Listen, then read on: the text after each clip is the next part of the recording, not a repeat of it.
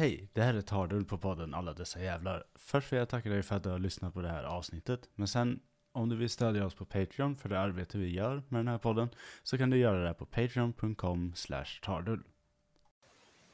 Hej och välkomna till Alla dessa jävlar. Jorden har tyvärr inte gått under än.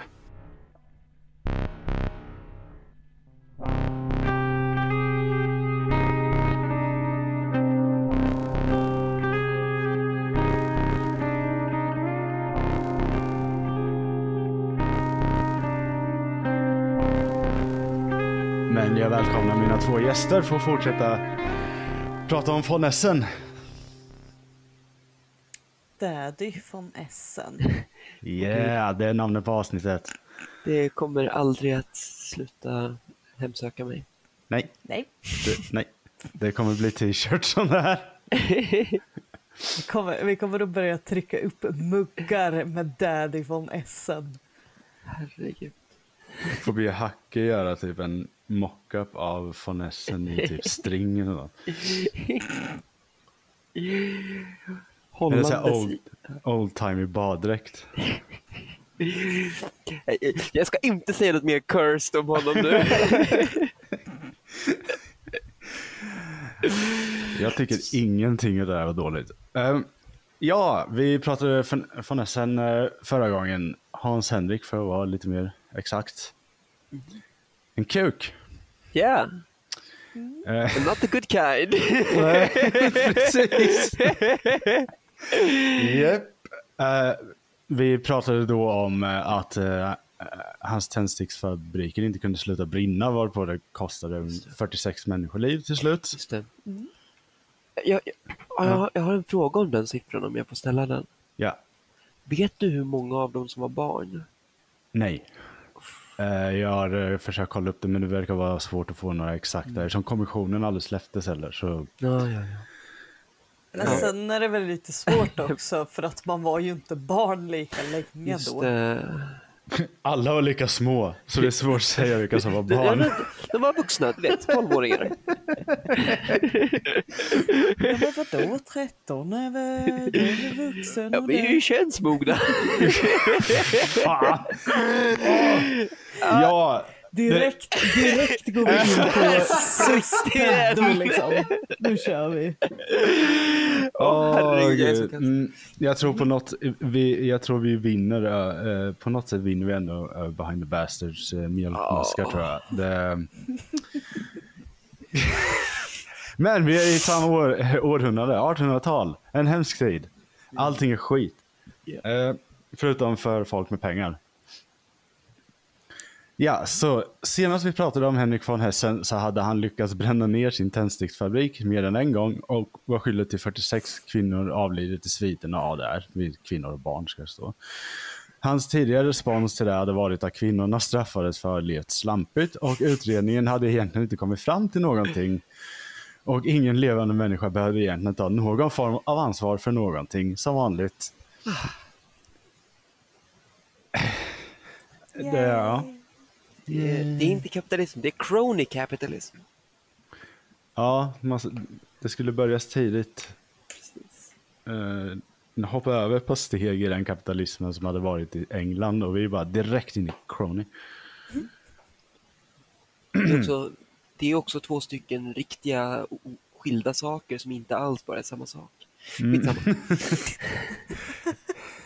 Ja, precis. Det är, inte, det, det, är inte alls, det är inte alls för att försöka vilseleda folk. Nej, nej, nej. nej, nej, nej. Nej.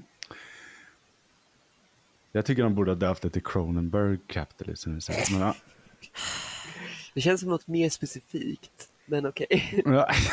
Stefan, nu nitpickar du. Ja, låt oss, låt oss påbörja podcasten. Ja.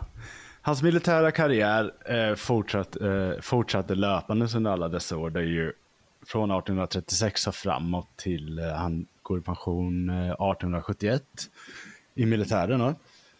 Eh, men eh, vi vet ju att det, det var inte det som var hans största intresse. Men eh, dock, så, dock så kan man både vara fabriksägare och hinna med militären samtidigt tydligen. Så det är ju det är intressant. Det är Ja, faktiskt väldigt skönt att ha en utbildning att falla tillbaka på. Mm. Ja, för om en till fabrik brinner ner då kan han bara åka ner till Tyskland och börja härja. Ja, Just det. Det är rätt bra. Jag, jag, fick också, jag fick också förklarat för mig när Jan Björklund var utbildningsminister att det är, om man har varit officer så kan man göra vad som helst sen för man har ledaregenskaper. Ja, just det. Ja, så man kan, så man kan starta ett, en piratverksamhet på Östersjön. dra inte in dansken Nej. nu igen. Nej, okej, okej. Mm. Eh, ja, i alla fall som, eh, det var inte den karriären han skulle följa upp på senare i alla fall. Och innan Hans Henrik egentligen blev känd för sina tändstickor i Tidaholm eh, så gjorde han det som många rika barn vid den här tiden gjorde som var ganska populärt. Han reste nämligen utomlands. Och framförallt till varmare länder. Eh, och eh, en av de här resorna ska ha skett år 1841 eh, och han har, ska ha befunnit sig på eh, Medelhavet, vilket var väldigt så här, eh, exotiskt för vanligt, eller vanligt folk, alltså folk att göra sådana här resor överhuvudtaget. Eh, Men alltså, att åka till Medelhavet då, var det Mm. liksom deras motsvarighet till att jobba som en gris på ett callcenter i två år och sen eh, åka till Asien och upptäcka sig själv? Ja, lite. För resan som han, ja, jag kommer ta det. Eh, han kommer i alla fall hoppa på en båt eh, som heter Kronoberg tror jag. Eller det är ingen båt, så det är säkert fartyg. Men, eh, Ett flytetyg och hänger med ner till Medelhavet. Det är i alla fall så här att de flesta vid den här tiden som tar sig till Medelhavet och sådana här eh, ställen är ju folk som jobbar på båtarna. Eh, det är inte jättevanligt att man typ som vanlig människa liksom tar en biljett och åker ner. Eh, men det händer ju. Men det är ju, det är ju också nära tiden som sådana där resor börjar bli populära. Liksom, för det är inte jättelångt kvar tills Titanic sjunker. Och jag menar, det, det var ju en, det var ju en, som, som jag tror vi sa också förra avsnittet, att det var ju en, en del av utbildningen lite grann för liksom överklassen att man skulle göra liksom en sån turné genom, man skulle liksom åka till Rom och titta på det och så skulle man åka till Paris och kanske lite i Egypten och så. Ja, den var ju vanlig. Eh, många av dem fastnade på absintcaféer i, i Paris istället och kom inte så långt. Men, men i princip så skulle man göra en sån grand tour. Ja, för det ansågs ju fint att vara liksom världsvan. Precis, nu. precis. Man, man skulle liksom kunna säga, li, referera lite i breda ordalag till Julius Caesar och Kleopatra och kunna säga att när jag var i Kairo. Det, det är en sån där typisk klassiker man ser från eh, dagböcker och brev från den här tiden. Jag minns när jag var i Kairo. Men, men, precis, precis Mm. den typen av grejer. Liksom det, var, det var en del av att vara av den, det var en klassmar, klassmarkör helt enkelt. Ja. Att man ska kunna göra sånt. Hur som Eh, helst. han hade blivit i alla fall eh, beordrad av sin läkare för att ha de här lite längre resorna också för, på grund av eh, ett eh, hjärtfel som han påstås ha som inte dyker upp igen. Eh, så han, så här, det hjälpte väl uppenbarligen. Eh, men han ska också bland annat lida av hjärtesorg över en kvinna som hans föräldrar helt enkelt inte godkände. Så det är förmodligen Åh, egentligen därför han bara gitar ut på havet. Stackars honom. Ja. Ja, men alltså jag hade också varit åka till Medelhavet sur om mina föräldrar bara Nej, du får inte gifta dig med den där. Nej, visserligen. Det var Mm. lite svårt att uppbringa så mycket empati för honom. Nej, Nej men eh, det, det, det är lite olika bud hur, eh, hur dåligt skick han var i. För det liksom är så ja, den här, det här hjärtfelet som inte nämns igen. Men sen i nästa avsnitt i sammanfattningen av hans resedagbok så kallar man det liksom för bruten hälsa. Mm. Men egentligen så var han vad man idag kallar lite ledsen. Ja, Lite Lite Ja. seg sådär. ja jag, tror, jag tror mitt hjärta har gått sönder. Nej, det är ångest. Lägg av. Eh, Sluta, sluta sitt på Medelhavet och ha panikångest någon jävla gång, snälla. Men von Essens brutna hälsa skulle givetvis inte stoppa honom för framtida bravader och äventyr på den här resan. Som bland annat kunde ha avslutat den här storyn nu direkt eftersom von Essen helt enkelt spolades av någonstans i Medelhavet. Men ska uppenbarligen ha räddats. Åh, fan! Men, Det är, skrivet så svepande med. Något. Det var ju deppigt. Jag, vill, jag, känner, jag känner jag vill veta mer. Ja. Ja, jag kände det med, men jag fick inte veta mer. Det är Nej, liksom... Jag ah, när jag var på Medelhavet och ramlade i vattnet. ah, Jo, jag ni, vet, ni vet den där gången som alla har i livet när man bara står på en båt och sen står man inte på en båt längre.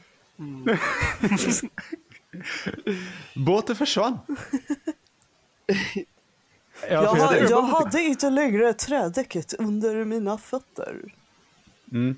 För det känns ju ändå som att om det är så jävla stormigt typ att han sveps av, en, av båten med en våg. Det känns som att det finns fler som kanske inte tyckte att det var en helt angenäm resa. Eh, Det känns Eller så var han bara dum i huvudet. Ja, och precis. Stod ute på popdäcket ja. när det var storm. Ja, alltså, jag, jag har varit på en båt när det är storm. Ja. Ja. Man går inte ut. Nej! Det är liksom så här, man, man tittar ut genom dörren och bara Det där är en dålig idé. det här känns inte bra i magen, jag skiter i att gå ut här. Precis. Jag, jag kan röka i rökrummet med surkaptenen som jag hatar. Det är lugnt, jag tar den. Ja, och alltså det, det, det är ju då på liksom ett sånt modernt kryssningsfartyg. Tänk dig då på ett sånt där liksom mellan, i varje vågdal så går skeppet från 30 grader lutning åt ena hållet till 30 grader åt andra hållet. Liksom. Ah, fast mer än 30 grader. Ja, men, det- precis. Det är ju standard kanske. En storm kanske Det, 50 det är grader. här, mm, nu behöver man ju knappt surra lasten ombord på de här jättestora passagerarfärjorna. Liksom. Exakt. Man gör det mest för kosmetika. Jag träffade någon gång någon som hade jobbat som sjöman länge som sa att han på någon, någon viss passage där det alltid var liksom sjögång från samma håll jättelänge Mm. så eh, brukade han göra så att han la två madrasser i ett skåp Mm. och sen så klämde han in sig emellan madrasserna så att, och liksom skåpet så att han var liksom på ena sidan av vågen så låg han på mage och andra sidan av vågen låg han på rygg. Fan Eh, smart. Jag, är med, jag var mer så här, man bullar upp med kuddar. För eh, vi gick ju i Kattegatt mycket och där kan det ju vara lite halvjobbigt eh, på vintern. Liksom. Aha. Mm. Just det. Är absolut inte så här, oh my fucking god, uh, sjö, uh. Utan det är mer så här, det är mer så här, lite inconvenient för att det rör sig lite mer än vad det brukar göra när jag sover. Och tyvärr, tyvärr är min koj eh, så att den går från fören till akten. Mm. Och det är också där sjön går. Ja. Så Ja, man gungar framåt och bakåt och inte i Yay. sidled. Ja. Ja. Så det man gjorde då, det var att gå ner till eh, de som höll i hotellet.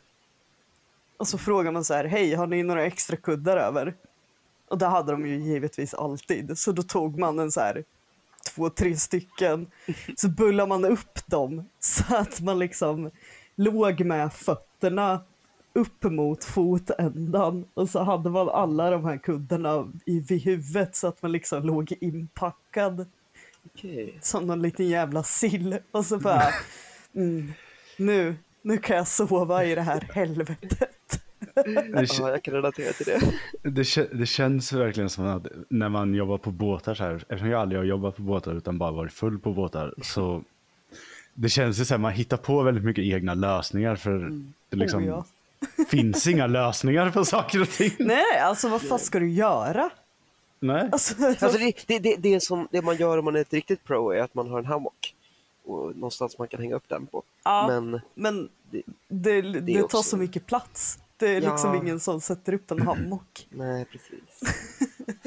Jag, tänk, jag tänkte när det gäller von Essens lilla Strapats. Eh, så tr- jag tänker så här, han, han är den enda som går upp på däck för att alla andra är bara ah, jävligt dumma över. Stannar nedanför.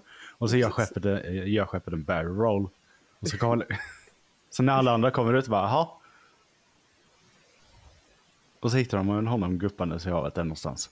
Jag, jag, Jag- tänker mig att han typ så här fastnar i riggen eller något, så tar de upp så ser de hänga där uppe. Liksom. Ja, det verkar vara lite dåligt med detaljer där. Jag undrar om han slår i huvudet på vägen ner. Alltså jag funderar på om det kanske var så att eh, sjön var helt lugn. Så, ja, och så bestämde de sig bara för att, ah, men fan vad illa vi luktar, nu tar vi ett bad. Ja, eller bara typ så här. Eh, Ja. Han höll inte i sig. och det kom en liten båg. och så typ så här, tappade han balansen och En liten, en studsade liten av. rogue wa- wave liksom. Eller inte ens det, bara liksom en helt vanlig liten småvåg. Kan ju, kan ju också ha varit, sig liksom. kan ju också ha varit anden utav eh, alla de här barnen som rann inne som kom dit och puttade ner dem i vattnet och försökte göra sig av med honom. Men Precis. Det hade, Precis. det hade varit jättebra story om han själv hade trott på det och sen leda det resten av livet, men det gjorde han inte. Men, men var det här före eller efter han dödade alla barn? Nej, det är det egentligen före. Ja. Just det, precis. Det Det här var på 1870-talet. Men, men jag tänker på med tanke på vad han håller på med hela livet så kanske han redan har dödat någon, det vet inte vi. ja, men Nej. jag tänker också att andar brukar inte jobba proaktivt.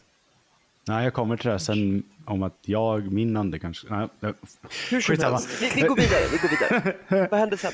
Ja, eh, eftersom världen är som den är och pengar är vad det är så verkar det helt omöjligt för den här typen av as att misslyckas. Förutom den nedbrända tändsticksfabriken som byggs upp igen så investerar von Essen eh, som sagt i andra delar av industrin. Han är mångsysslare, alltså det här, han ska ha alla fabriker. Ehm, han, är, han är egenhändigt skyldig till att vi måste ha med Tidaholm att göra än idag och jag känner att åtminstone där kunde vi ha fått slippa tänker jag. Och just det, vi gick hela förra avsnittet utan att nämna att Tidaholm har en anstalt. Det är ju där de är kända för, inte de här jävla tändstickorna. Jag, jag känner fortfarande inte till någonting mer om Tidaholm än att det heter Tidaholm. Nej, man kallar det bara för vad- Tidan. Vad, vad är, vilken typ av brottslingar är det som sitter på Tidaholmsanstalten? Uh, nu ska vi se, det kan vi ju kolla upp när vi ändå live, vi kan live researcha. Tidaholmsanstalten. Uh, Tidaholms...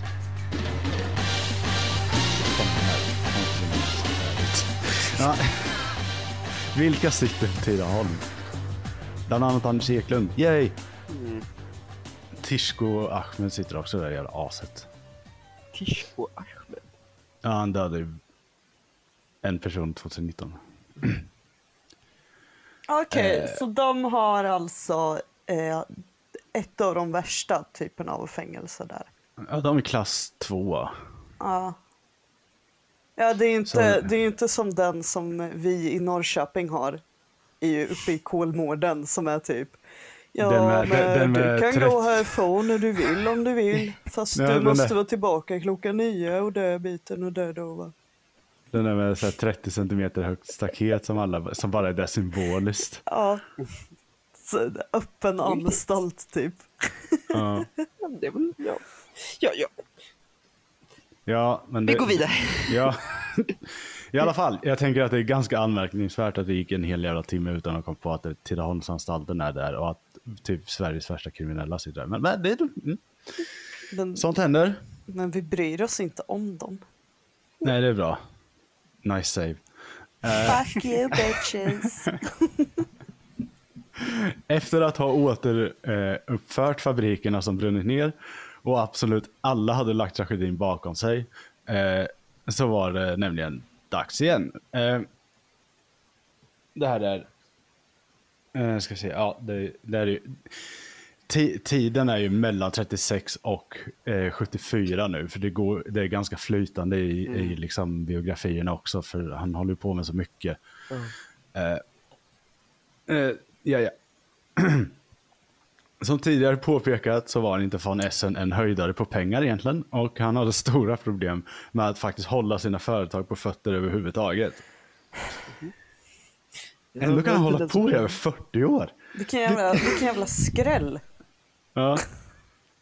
De, they keep burning down. Man är, en, man är en viss typ av sämst människa om man lyckats spolats av i Medelhavet. Ändå. Ja. Men alltså jag, jag tänker också så här. Jag tänker också så här. ehm, människor idag. Ja. Eh, vi blir lite barnvaktade med våra investeringar. För bankerna, bankerna är så här, är du säker på att du vill investera dina pengar i aktier? Du vet att det innebär en risk va? ja, just det. Och man bara, ja jag vill att ta den. Eller, mm, mm, nej. När du kommer för, med för mycket pengar till banken, de bara, ah, är du säker på det här? För det där kan drabba oss. Ja, kommer du med för mycket pengar till banken så kommer de bara, eh, vi har en kille du skulle kunna prata med. Han är inte officiellt anställd. Han... eh, Nej, nej, alltså han är anställd hos oss och är här för att ta hand om dig och dina pengar så att du Ja. inte är en idiot. Ja, Ja, just det, precis. ja just det. Ja, det- man alltså, hade, sådana barnvakter hade man inte på den här tiden. Då, eh, Nej, då bara i alla fall. kastar man pengar. Alltså det fanns nog de som hade, men det är skitsamma. Jag Ja, vill, jag vill bara veta mer vad som händer i hans liv. ja. Under 1860-talet hade han mött upp med flera andra rika knösar runt om i Europa eh, för att förbereda nya stora fabriker i och runt Tidaholm. För han virkle, ville verkligen att ingen skulle slippa undan Tidaholm. Varför tycker han så mycket om det? Ja, det, det är jättekonstigt fokus. Alltså han är född i närheten, men det är väldigt... Det är väldigt alltså, han, är, han är egentligen den enda anledningen till att stan finns kvar. Ja, Men- det, det kan ju förstås vara så enkelt att han, han vill vara någonstans där han kan vara den största fisken. Liksom. Ja, precis. Ja, men jag tänker det med. Alltså jag tror att det han försöker göra är att bygga ett arv Mm. som liknar alltså Louis De Geer i Norrköping. Jo men absolut, precis. Så han, by, han bygger ett arv som han tänker att det ska vara ett stort och rikt arv, men arvet är mer likt liksom radioaktiva tunnor vi känner i berget. Ja, men alltså jag tänker att han, Det är ett arv. han, han vill ju bli ihågkommen någonstans. Exakt. Som precis. han vill den få stå som staty på anlade- torget och liksom... Ja, men så här, ja, men jag vill bli ihågkommen som den Ja. som anlade den stora industristaden Tidaholm. Ja, det där är säkert en ja, jättestor del i det. För, Mm. ja. Jag tror han har dödsångest. Ja, jo men absolut. Jag tror jag, exakt. ja, precis det kan jag. Stackarn. Det kanske är hans, hans hjärtproblem, att han har lite Ja, han, ångest. han, han, han försöker, jag menar, alltså, det är samma problem som det alltid är. Han försöker uppfylla någon slags idé om ett maskulint ideal som eh, han tror finns på riktigt men inte gör det. Han, Ja, och sen, eh, han jag har tänker en också att, livskris. Han har en liten kuk. ja, jävligt, jävligt mycket småkuksaura i det. Varför, Verkligen. varför säger du så om Daddy Von Essen? Jag respekterar honom lite längre. Ah, det, vi kommer aldrig bli av med det där. Hashtag Von Essen är inte min daddy. Nej, exakt. Vi kommer bli stämda till skit av det här. Alltså, det är någon som kommer höra det bara, vänta nu, vad fan säger de om min släkting? Mm. Jag säger bara, kom då din jävel. Eh, ja, men ja, det är också så här, jag kollade upp lite runt världsläget och såna här grejer eh, runt 1870 och sånt och hur det är.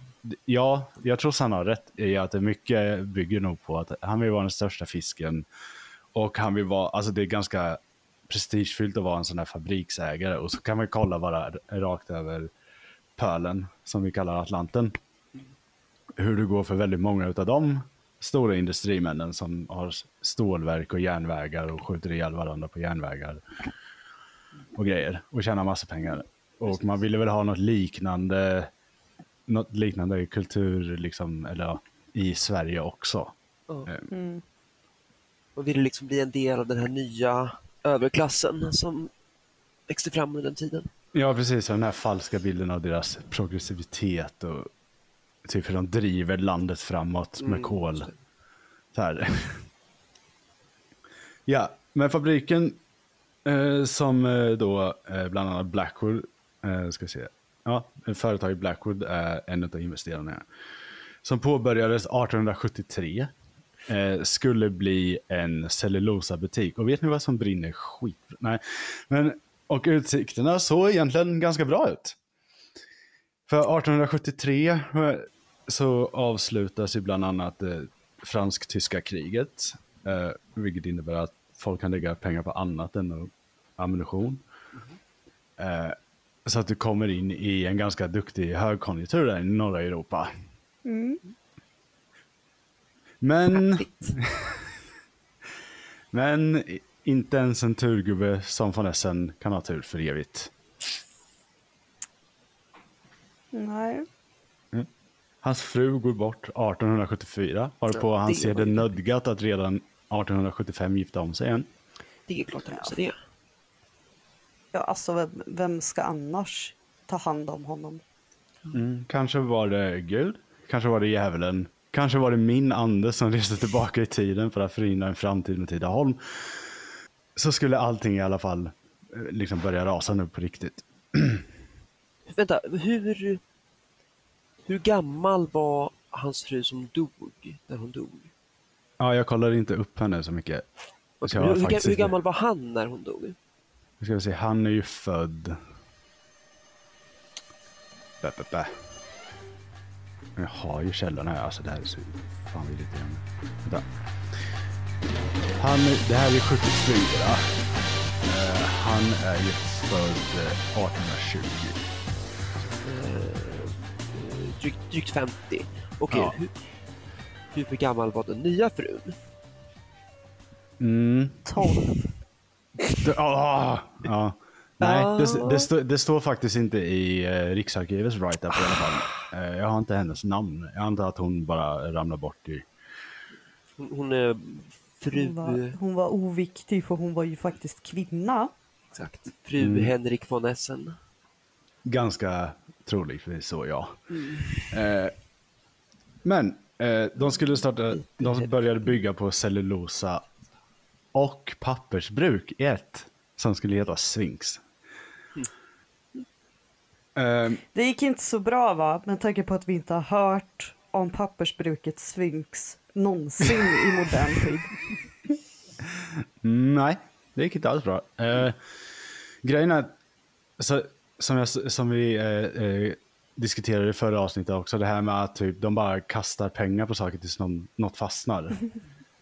Eh, det här var mer som kasta pengar i ett eh, bag eh, i ett här, bag of holding i Dungeons and Dragons. Liksom, finns, ingen, finns ingen slut. Så han står bara och kastar allting. Till slut kastar han hela jävla plånboken på det här huset och då blir det aldrig färdigt. För pappersbruket, eh, cellulosadelen av cellulosa och pappersbruket eh, blir aldrig färdigt. Eh, och eh, då har det här kostat honom ungefär en och en halv miljon svenska riksdaler. Det är ganska många pengar. Vilket är det i dagens värde? Ja, vi kollar upp det. Valutakurs. Tippar 5 miljarder. Nej, jag tror att det är mer. 1870. Men alltså Stefan, varför kommer du inte förberedd när du vet att jag kommer ställa såna här frågor? För att Killar. Men... ja, men jag hittar ju Ekonomiska museet här.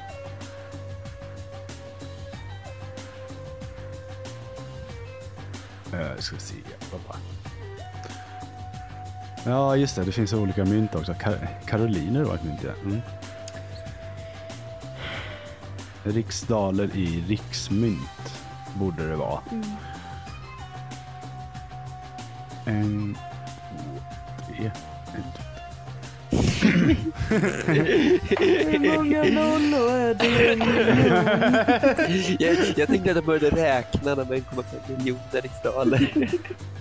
Nu ska vi se, vad är det för år i år? 2022. Ah. Okej.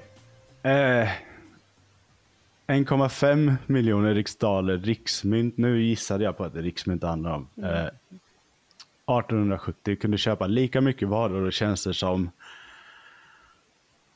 eh, ah, Sny dåligt formaterad. Eh, 10.30. Jag ska se. En, två, tre, fem, sex, sju, ja, eh, 10 miljarder. 10 miljarder! 10 Ja, ja. miljarder! Ja, jag tror jag läser det här rätt, men det är ju... Jag, jag, postar det i Zencaster-chatten här så får ni själva... Jag Ja, tror jag är ju mattegäris här nu. Ja. Jo, men det är väl för fan det är 10 miljarder. ja. Ja, det är det. Jag sparar den där uträkningen som källa utifall någon är petty av lyssnarna sen. Bara, jag vill faktiskt kontrollera det här. Absolut. 10,3 miljarder. Det är 10,0. Nej, 10,3. Just det, 10,3, förlåt.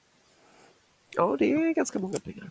Det är väldigt många pengar. Särskilt Eh. för en fabrik som aldrig blir klar. Ja, det är det. det. Vad... Hur? Ja, det förtäljer inte historien. Eh, grej, jag tror... Alltså jag blir, om jag, jag, blir så jävla provocerad. Om jag fattar att ha sådär mycket pengar på den här tiden och bestämma sig för att bara kasta det rakt in i en eld. Och så bara wow, vad mycket det brinner just nu.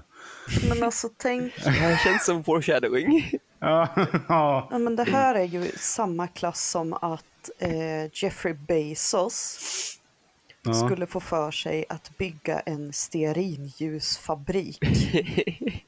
Och sen bara aldrig sluta kasta pengar på det. Exakt. Aldrig sluta bygga fabriken. Inte Ja. avsluta projektet när projektet bör avslutas. Jag kommer tänka på så här olika evangeliska superkonvent nöjesparker i USA som aldrig blir klara. Ja, typ Action Park. Alltså det, J- Inte, inte Action Park, mer typ Action Park fast som en teleevangelist gör det. Ja, jo, ja just det, de ja. Alltså, Eh, ja, jag- det finns ju kvar. jag provoceras inte av dem för att det är ett uppenbart utsugande och griftande av pengar. Jag provoceras av sånt här för att det är så, en så uppenbart dålig investering. Ja, det är faktiskt sant. Där liksom i, i, i grift-varianten så är liksom syftet är att man ska ha ett oändligt hål som man bara låter andra skyffla pengar i och så tar man Ja. en liten del av dem själv. Ja, men alltså, Här är det det, är mer ju- att man tar sina egna pengar och bara häller ner dem i hålet. Ja, och det, det är ju liksom så här, jag blir, jag blir så förbannad. Det här är exakt samma sak som eh, Tyra Banks jävla eh, theme park liksom. Har hon en theme park? Nej, det skulle ha öppnat en theme park 2020 som hette Modelland. Oh god. Vi, vi kan diskutera. Det här är cursed. Vi kan, Det här är cursed. Ja, jag, jag, kan, This is what they took from us! jag, jag kan skicka en länk. Ja, gör det. Snälla, för det här måste... Det här måste det ja. Ja, det må- jättegärna. Det känns, som att, det känns som att det finns, ja, det känns som att det finns historier att ta här. Eh, hur många dead babies är det inblandade? Eh, Jag tror inte det är så himla Nej, det är många. lite så Ja, okej. Alltså, jag är tänker på att det är liksom på 2020-talet. Ja, okej. Ja, man vet aldrig. Boo. Ja, men några är det ju säkert, men det är ju liksom säkert inte så här 48 stycken, utan Nej, det- mer det kan kanske vara s- tre. Och kanske är det svårt att dra liksom det direkta orsakssambandet. Liksom. Mm. Mm, precis. Eh, ungefär men- men- ungefär som att bara helst. 40 dog i Tjernobyl typ. Nej, men i alla fall. Ja, eh, den här grejen, av vad jag har fått fram eh, gällande den här fabriken i alla fall, varför cellulosa del, delen av fabriken inte blir klar är för att det verkar ha varit lite halvexperimentellt. Så att det var liksom så här, det fanns inga så här färdiga koncept för just den delen. Tanken Men var att den vänta lite gå... nu, det fanns ju för fan cellulosafabriker på den här tiden. Ja, Varför men tar inte man, på det. varför tar Kan man du inte, nej, varför tar man inte ett koncept som funkar då? Men han hade, Nej, för han han hade ha ett eget 10 koncept. miljarder där som Ja, man men- behövde lägga på någonting. Då tänkte han, jag, hitt, jag hittar på ett nytt sätt att göra cellulosa. Ja men det är ju typ bara Alltså cellulosa är, det är en ganska jobbig process att göra Ja. på stor skala. Precis. Det är därför Ja. man ville göra en ny process. Så här, jag kan exakt, eftersom du blir så provocerad av honom, så kan jag citera hans exakt, det här är vad han säger att den här fabriken ska göra. okej? Jag letar upp det här citatet här. Eh, pappers, nu ska vi se, vad är det? Ja, för de, allting byggs ju upp till Tidaholm järnväg och allting. Och så skriver han att ah, pappersverk i förening med trädmassefabriken. Så att man i ena änden av huset kastar in en trädklump och i den andra sitter och skriver brev till sin kära syster på papper som kommer fram färdigt. Det är liksom hans idé att han ska vara hela den här kedjan känns det som. Jaha, så han ska bygga Braviken? Ja, Okej. Fast ingen hade efterfrågat. Ja, men, i alla- men i alla fall, de brittiska investerarna verkar inte heller ha hur mycket pengar som helst. Han kastar väl in deras pengar också antar jag. Men till slut så, eh, till slut så eh, var eh, krediterna uppfyllda. Och eh, pengarna borta helt enkelt. Vad, Eh. alltså, vad sa de här eh, brittiska investerarna om det? Mm. Eh, ja, så utan kapital och maxade kredit, krediter så var, han, så var allt han hade kvar ett halvfärdigt projekt som hade kostat honom upp mot en, en och en halv miljon. Det skulle ta hårt på hans ekonomi. Ja, Och, det eh, var och- 10 miljoner. Miljarder. Ta det hårt Ja. på ekonomin. Fucking Ja. Det har ju alla. Eh, Och vi, ska komma, vi ska ju komma ihåg att det här är inte de enda fabriken, fabriken han har. Han har ju andra fabriker och Ah. liksom kostnader.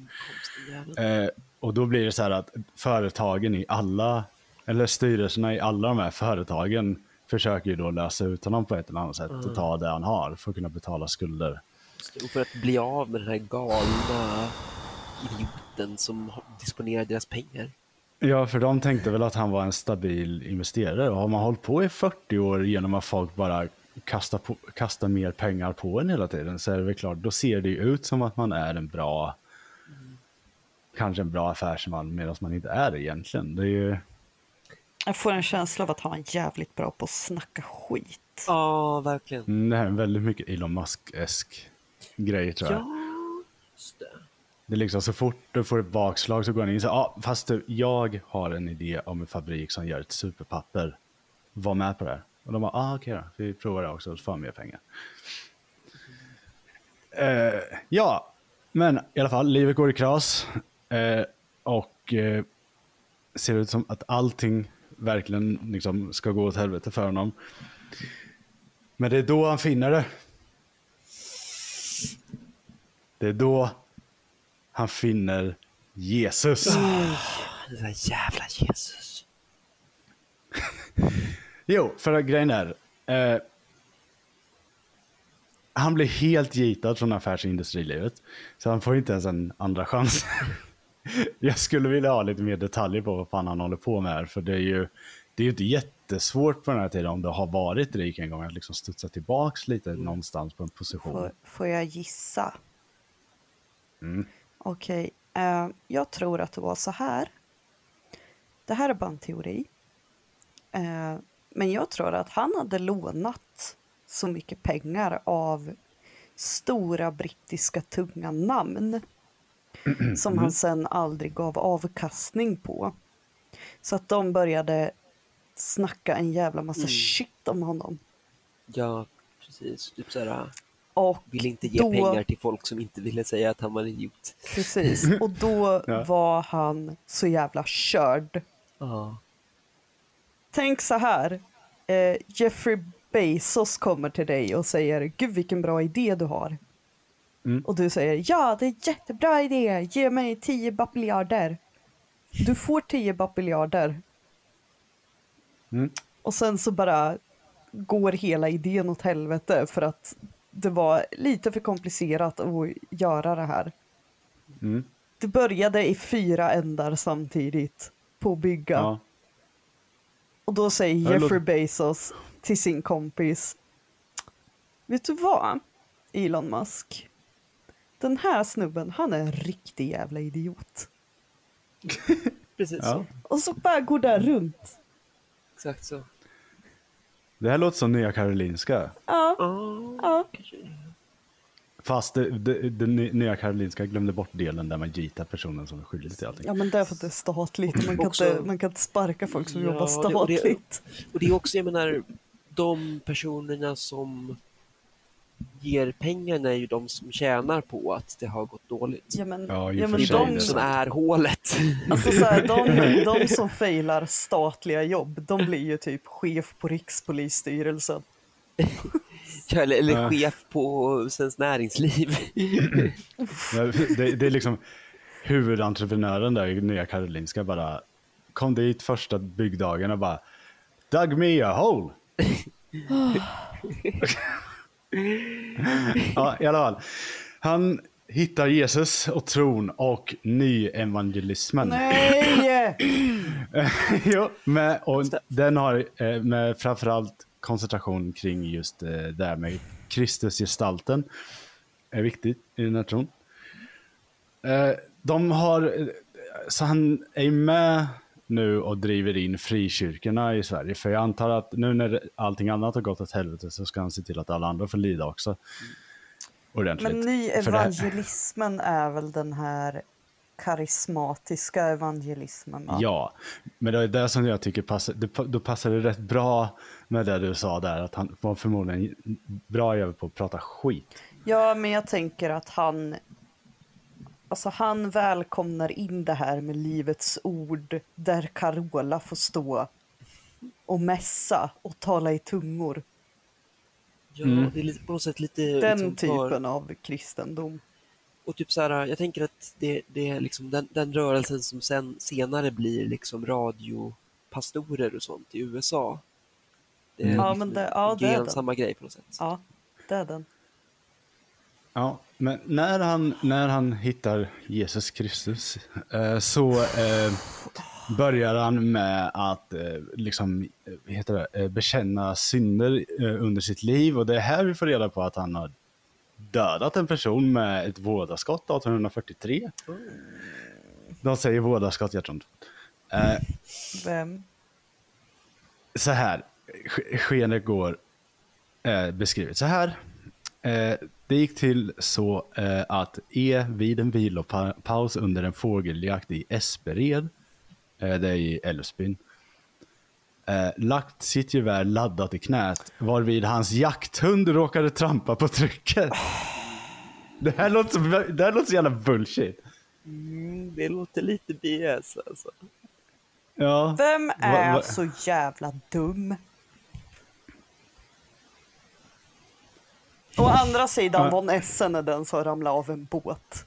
Ja, Ja, jag i, också och för sig. det. Men jag, det känns mer som att han lagt geväret på knät och så har han somnat så säger vi att han har ryckt till eller någonting. Man har haft fingret vid avtryckaren. Åh nej. Eller, Jag, jag vet inte, jag, jag, jag har inte hittat någon mer detaljerad förklaring på vad fan hunden gjorde uppe där. Ja, nej, jag man kan tänk- så tänka sig att eh, han inte tyckte så bra om sin jaktkom jaktkompis och så sköt han honom. Ja, och men- sen så Ja. sa han att hunden klev på avtryckaren. Ja, Men det kan ju också Det är det som vara, känns spontant mest sannolikt. det kan ju också vara som alla de här olyckorna som händer under älgjakten. ja, ja. där folk Men är så alltså det- jävla kåta på att skjuta sig en älg. Jo. Så de börjar skjuta sina jaktkompisar som går bland träden. Men jag tänkte att det, det blir mycket bättre för dels för, våra, för den här podden och eh, för det att, att vi i framtiden istället för att säga att man gör en Colin Powell, man gör en von Essen och skjuter av sin jaktkompis. Han var ju uppenbarligen före. Så jag menar, Ja. Jävla, vidare beskrivet är det i alla fall. Skottet brann av och träffade hans vän den 38-åriga häradshövdingen G. Bergendahl i bröstet så att denne dog efter sex timmar. Åh, fan. Det är deppigt ändå. Ja, och sen kort före dödsögonblicket, det här är också sus som fan. Eh, kort före dödsögonblicket, det här är hans liksom döende ord, han ligger där bara och dör. Jag förklarar inför alla närvarande att baron Essen icke haft det ringaste andel till min död. Alltså om man, om man har legat oblödigt ihjäl i sex timmar. Ja. Don't fucking know. Ja, Om man känns som att har- han skulle kunna blivit gaslightad till det alltså. Nej, alltså jag känner mer don't fucking know om man har energi nog att yttra alla dessa ord. Ja, så Allt annat än svordomar i det här läget är ju Sus. Ja... Jag är skeptisk. Det kommer också fram om man eh, kollar i de här papperna som gör gällande hans trosbekännelse. Att han blev ju faktiskt dömd för det också. Okej. Eh, fast bara, han blev bara dömd för eh, det, ovars, ovarsamt hanterade av laddad bössa 1940, eller 1844 och bara dömd till 50 riksdaler i böter. Så att, menar, det var, hans kompis var inte värd så mycket. Vad kostar en häradshövding nu för tiden? Ja, vi har så många av dem. Häradshövding, smärad, smövding.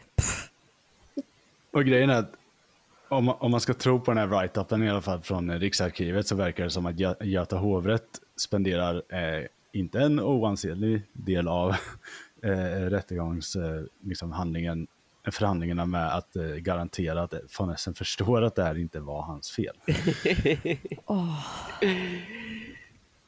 Ja, det är inte lätt. Man Ja, råkar skjuta han, sin kompis.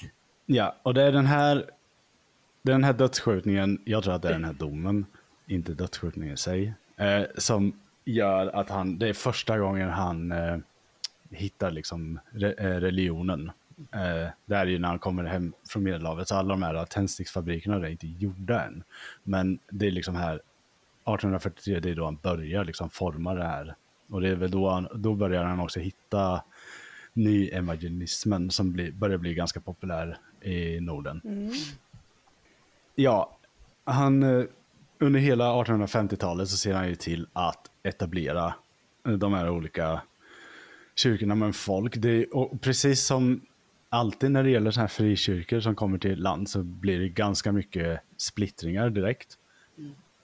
Eh, det är väldigt många som faktiskt också vill ha pengar. Så Weird. As, as it should. Och eh, ja, och han grundar i alla fall 1856, den 7 maj, där finns papper på. Eh, så eh, eh, grundar han det evangelist, en, evangel, an- evangeliska fosterlandsstiftelsen. Jag skulle vilja att det hette evangelistiska, men evangeliska fosterlandsstiftelsen. Aha. Finns den Ja. kvar? Ja, Vad heter den? samma. EFS. Jag kan- Vad gör jag- de jag kan- nu för tiden? Mm, jag, jag kan ta sammanfattningen på vad, hur den här tron går till.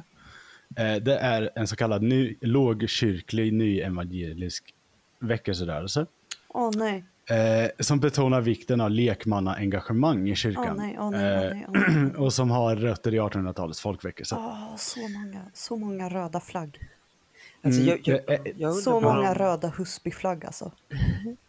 jag undrar bara om de har den grejen att eh, eh, man inte får vara med i en fackförening därför att man bara ska göra avtal med andra kristna. Ja, eh, vet du, det här med, ja, han, Fast- han är ju representant. Fast den grejen är ju Plymouth-rörelsen. Ja, precis. Och de är ju inte med på det sättet i en större paraplyorganisation. nej, ja, ja. jag, jag, har- jag har inte riktigt bra koll för att veta om det är något som några andra än just Plymouth. Ja, men jag, jag är lite sektgäris. Ja, nej, EFS, eh, EFS var i alla fall då sedd som en demokratisk organisation i folkrättsrörelsen. Eller folkrörelsetraditionen står det här, men ja. I alla fall, de, eh, så det blir en så här, eh, De är, de är början till det socialdemokratiska föreningslivet. ja, Ja. här, där bedrivs även scoutverksamhet. Ah. Mm. Ja, Väldigt- de finns kvar. De heter eh, Missionskyrkans scoutförbund. Ja. Mm. Nu ska vi se. Ja, fast eh, eh, ja, men det här med splittringar då, det har jag hållit på ända sedan det skapades givetvis. Så det är ju... Men EFS har i alla fall eh, involverats i missionsarbete i Etiopien, Eritrea, Tanzania, Malawi och Indien. Och här finns det säkert absolut ingenting att prata om. Nej, nej, nej. Eh, För missionsverksamheter under den här tiden var fina. Snälla. Ja. Och precis som alla andra frikyrkor så är det ju väldigt populärt med barn och ungdomsverksamheter, som sagt som scouter. Men deras barn och ungdomsverksamhet heter SALT. Så den är rätt eh, lätt att känna igen om man har någon sån i, sitt, eh, i sin hemstad. Eh, Ja, men grejen är så här, just det, jag ska ta upp det. Anledningen till att det här är, en- är, är, en intressant eh, rörelse är ju att de har det här, som jag sa, lekmannaengagemanget. Det, det är, de kan ju inte vara präster. Nej, de är väl pastorer va? Ja, det de gör är att de skapar liksom en egen yrkesroll som de kallar för lekmän. Och sen så eh, får, de, eh, får de en så här lättare juridisk utbildning. Bland annat. Och så, eh, liksom så att de kan eh, guida folk Ja. rätt och i den kristna gemenskapen. Men vi ska ju komma ihåg att liksom, den svenska kyrkan, alltså den lutheranska kyrkan, eh, var inte så jävla happy när de här grejerna började hända. Nej. Eh, men ja, de kunde ju inte gå prästutbildningen, så de, ingen av de här kyrkorna har ju liksom officiella präster. Nej. Det har de fortfarande inte, tror jag inte. Nej, det har de inte. Ja, han är, lek, han, alltså, han är ju lekmannapredikant. Han, eh, de sista åren i livet så gjorde han sig ganska känd för att hålla eh, eh, liksom starka brandtal och eh, inspirera tro hos folk och verkligen sprida den här eh, jävla kyrkan. Eh, eh, och framförallt då i Västgötatrakten blir den väldigt stark ända tills de koloniserar Indien och fan han gjorde. Alla säger att han var, liksom, han var en bra underhållare framförallt att lyssna på. Så det kommer alltid många till där han står och gaggar. Men jag tänker också liksom att det här är någonting nytt och fräscht som man inte riktigt är van vid. Så att det är väldigt lätt att anamma det. ja, Ja, För den här, den här typen av eh, kristen verksamhet är ju eh, den här som man ser hos eh, till exempel baptister i USA. mm, Eh, de här klassiska sydstatskyrkorna där det mest går svarta människor. Där är det ju väldigt medryckande eh, alltså predikan. ja det är ju också, det, det är väl också liksom fokusera på just eh, folkrörelseaspekten. Ja, precis. Så det är ju den typen av eh, predikningar och så. Eh, och jag tänker att är man van vid att det står en Gaubi i predikstolen i någon jävla särk och bara pratar torrt om att Gud sa blä, blä, blä. också det här att man får liksom vara med och delta själv. Ja, precis. vad som Alltså, sägs liksom. då, då blir det här någonting nytt och progressivt och modernt som är väldigt lätt att ta till sig tror jag. Precis, precis. Ja, eh, det är lite... Det är, han, man vet i alla fall att han, det, det skrivs mycket brev eh, med, och, och liksom han gör väldigt mycket re- rekryteringsarbete. Tyvärr så verkar inte de breven finnas kvar. Eh, de har funnits på bibliotek, eh, men eh, jag fick inte fram idag, säkert förstört till en brand också. Mm. Eh. Från en tändsticka som heter Solstickan. Mm. I alla fall, han är tillräckligt populär att eh, han ska kunna, att han drar till sig liksom det man kallar för biktbarn. Eh, där en, ett av biktbarnen är i alla fall eh, kronprinsessan Louise av Danmark. Så han är ju uppenbarligen bra på det här. Wow. Mm. Det, alltså det är hans Carola. Ja, verkligen. Ja, och sen eftersom det här pågår ju... Vänta. Ka- katten ska gräva färdigt. Men för fan. Det är som att spela trummor i kattlådan. Det... Ja, eh, någonting som finns bevarat eh, från den här tiden dock är hur folk ofta pratar om eh, von Essens eh, generösa natur. Det är väldigt populärt att prata om, förutom hans liksom, karisma i talen. Eh, det här är ju under 1850-talet fram till liksom tills eh, pengahålet eh, fylls upp. Liksom. Eh, och där kan vi, det- det- här har vi också en förklaring på varför det kanske såg ut som det gjorde ekonomiskt. För han eh, var väldigt ge- generös och väldigt eh, frikostlig. Eh, och hjälp, eh, gentemot hjälpbehövande som det kallas. Då. Så de här frikyrkorna de riktar ju ofta in sig på fattiga familjer som ofta behöver olika former av stöd. Eh, och det är ju populärt även idag i sådana här frikyrkor som typ pingströrelser och grejer. Eh, och eh, han ska bland annat ha betalt en hel lärarinneutbildning åt någon. Eh, just han ska ha betalt någons hela sjukvårds... Alla, någons alla sjukvårdsräkningar och sånt. Han är väldigt duktig på att bara ösa pengar omkring sig som sagt. Alltså det är ju väldigt, jag ska inte ta ifrån honom att det är fint gjort att göra det. Nej. Men man, det är ju det här med att han är så fruktansvärt dålig på investeringar. Just det, ska, om, om, om, s- om Henrik von Essen säger till en du borde gå en lärarutbildning ska man nog tänka sig för väldigt noga när man gör det. Ja, nej, men alltså jag tänker så här om Henrik von Essen betalar din utbildning Ja, så kan du för all del ta precis alla de pengarna för att han kommer ju liksom aldrig någonsin kräva någonting tillbaka av sin investering där. Man kan ju Nej. hoppas det. Det är ju inte Det är ju så vä- att det här är ett lån. Nej, precis. Det, det är ju verkligen, här du får gratis pengar, varsågod. Jag vill också ha gratis pengar. Eh, men i alla fall, det, och här måste vi då gå tillbaka till eh, ten, eh, när vi kommer fram till det här med tändsticksbranden. För att det finns två versioner som sagt av vad det här lilla kräket sa angående den. För att det första, det som finns bevittnat när lågorna fortfarande är igång i tändsticksfabriken är ju den här kommentaren om att eh, de arbetande kvinnorna förmodligen hade levt väldigt eh, lösaktigt. Och att det här var ett straff från Gud. Just det. Därifrån Essen straffar oss. Ja, men det här, änd- det här ändrar sig sakta men säkert. För han, någonstans förstår han nog att ah, det där är inte, det, det ser fan inte nice ut. Det var, Eh, det var inte så fräscht att säga så om de som arbetade i sitt anletes svett för mig.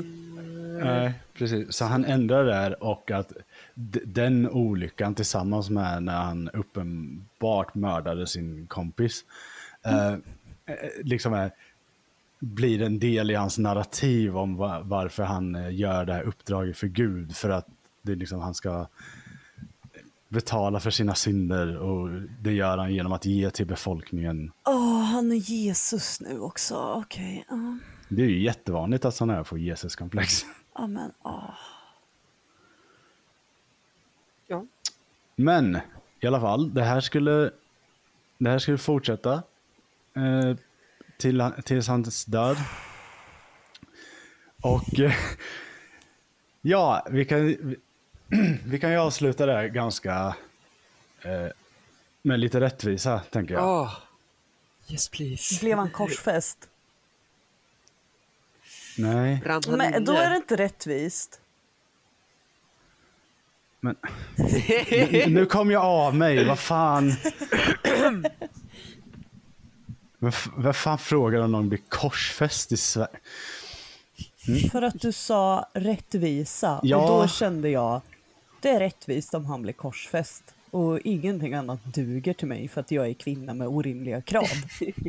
Jaha, du tänker så ja. Ja. Eh, ja. Eh, Men nej, han blir inte korsfäst. Han, han, han får inte riktigt gå, riktigt gå så långt i sin Jesus eh, lar, larping. Bu. Eh, bu. Men han skulle dö i alla fall 1894. Eh, den 2 juli. På eh, en herrgård givetvis. För även om man... Där behövde han inte sälja. I Älvasjö herrgård. Vi hade inte Kronofogdsmyndigheten vid det här laget, eller? Jo, det, det där. Ja, han har ju levt lite av ett live. Hela tiden. Alltså, ända sen, ända sen liksom, han blev gitad från industrin och ingen vill ha med honom att göra där. Så har han ju levt på hela den här eh, liksom, predikan-grejen och det ser ju rätt flödigt ut. Han har ju fått en viss influx av pengar under den tiden. Men vid hans död hade han bara Ska jag fortsätta 4 avbryta? 000... Åh, för helvete. Han hade bara 4 188 kronor. Så. Men det är ju ganska mycket ändå. Ja, jag Det är inget arv. Nej, men det är ju... Är du för kan ju mycket. leva gott Det är på för det. mycket. Ja, okej. Va, va, Men om han jämför- inte var utblottad i minst tio år så är jag besviken. Ja. Ja, men Ja, alltså, jag håller med dig i sak, Sanna. Ja, men så här. Vi kan säga så här. Än så länge så skulle ju då, det han är med och startar i Sverige hade inte riktigt hunnit bli den lukrativa griften som det senare skulle bli, uppenbarligen. Eh, Husby. Ja. ja, det var både... Men, hu, men hur dog han? Dog han åtminstone på ett poetiskt, karmiskt, korrekt sätt? korrekt sätt. Eh, Nej, han blev ju inte korsfäst. nej, precis. Vi har ju redan klargjort det här. och brann väl lite lite in, korsfäst. antar jag.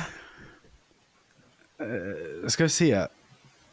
Kan man åtminstone Det få hoppas på stod... Det, arsenikförgiftning eller något?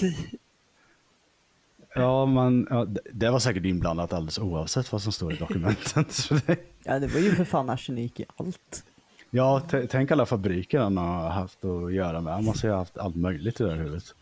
Eh, men eh, nej, jag hittar inte riktigt vad... Han dör nog liksom av hög ålder helt enkelt, tror jag. Tyvärr, för han dör ju i sitt hem.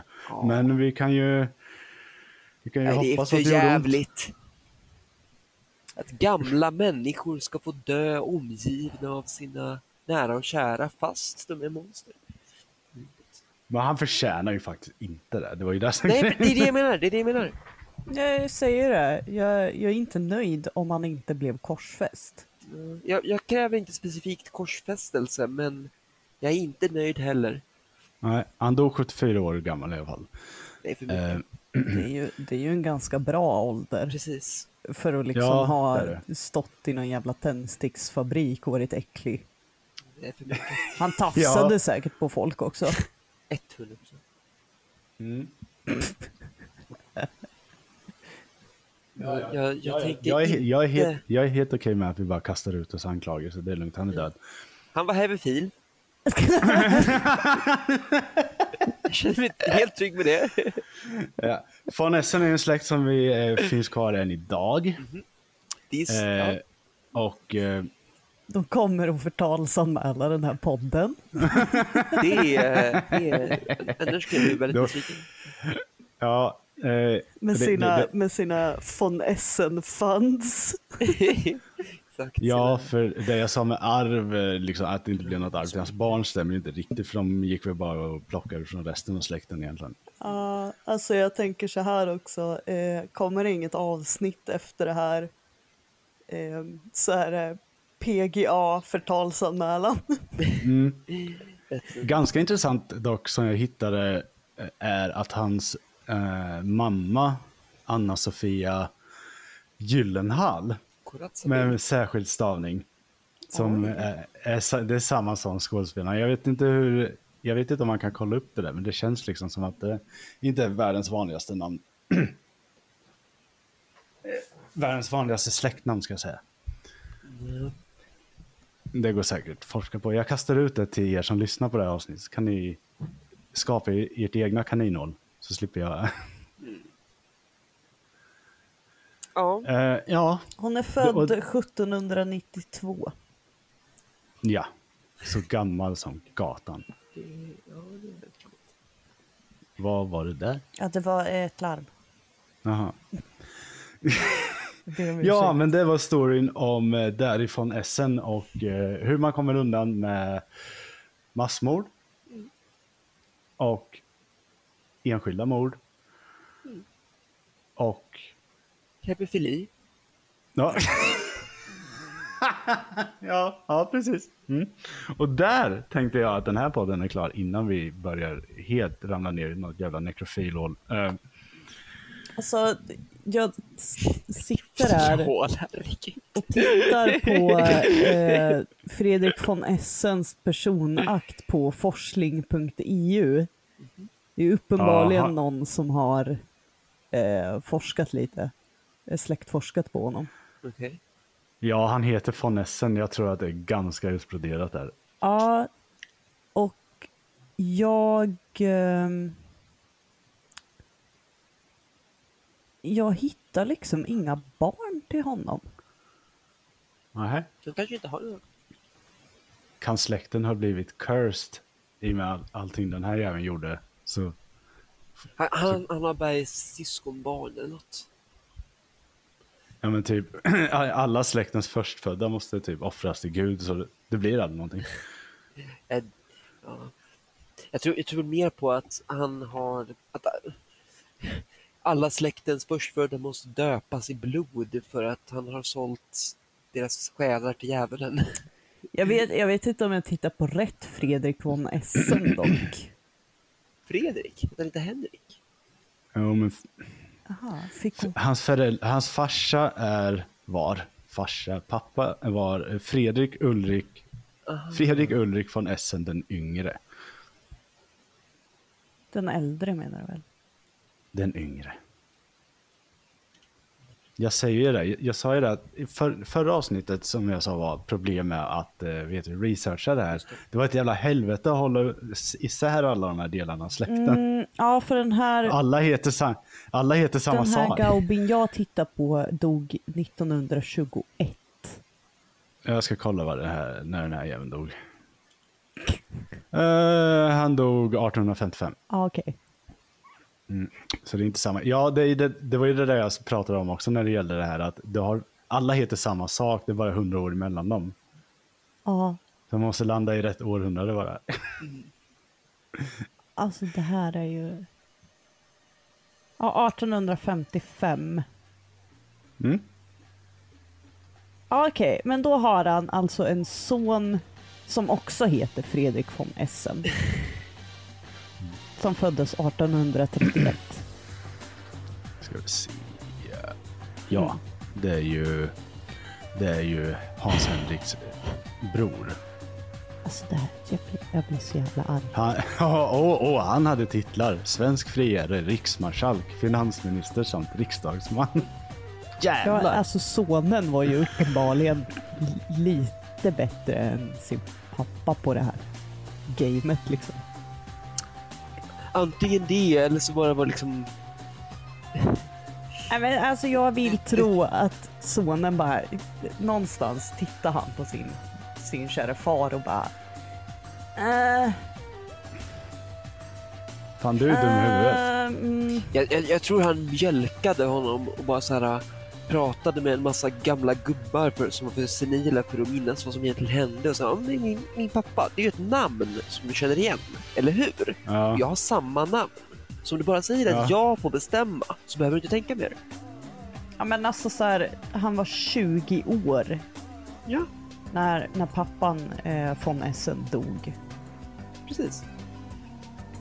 Ung och stark. Jag, jag, jag tror inte att man rider på någon, någons namn så, så mycket. Jo, alltså gam, gamlingar älskar unga människor som får dem att tänka på ja, men du, får tänka, du får ju tänka på att pappa von Essen blev utslängd ur svenskt näringsliv. Precis, För att han precis, var precis. kass. Exakt, så liksom när det har gått Varför- varför typ ska man då- 30-40 varför ska år man så minns in- man bara en... Nej, men det, då, då, nej, då har man glömt varför han blev utslängd. herregud. Ja, nej, herregud. nej, jag tror inte de har gjort det. Jag tror att de bara... Ja, men alltså, jag tror han kom in på sina meriter som finansminister. För att man tar inte sonen till någon som bara rider på pappas namn. Och säger det är väl Eller- klart, det är väl klart Eller är gubben, det du ska vara precis det finansminister. man gör? Det är väl klart du Ah, ska ja, vara skitsamma. finansminister när din pappa var en värdelös affärsman. Självklart. Nej, nej. Jag säger nej! Men, och det är därför som du inte var statsminister på 20-talet. Eller när fan det var. Jag var tvungen att få in den där jäveln. Jag blir så jävla, Ja, ja, jag blir ja, så ja. fruktansvärt provocerad. Har vi- så jag, blir, jag blir så arg på dig. Och där slutar jag Yes. spela in.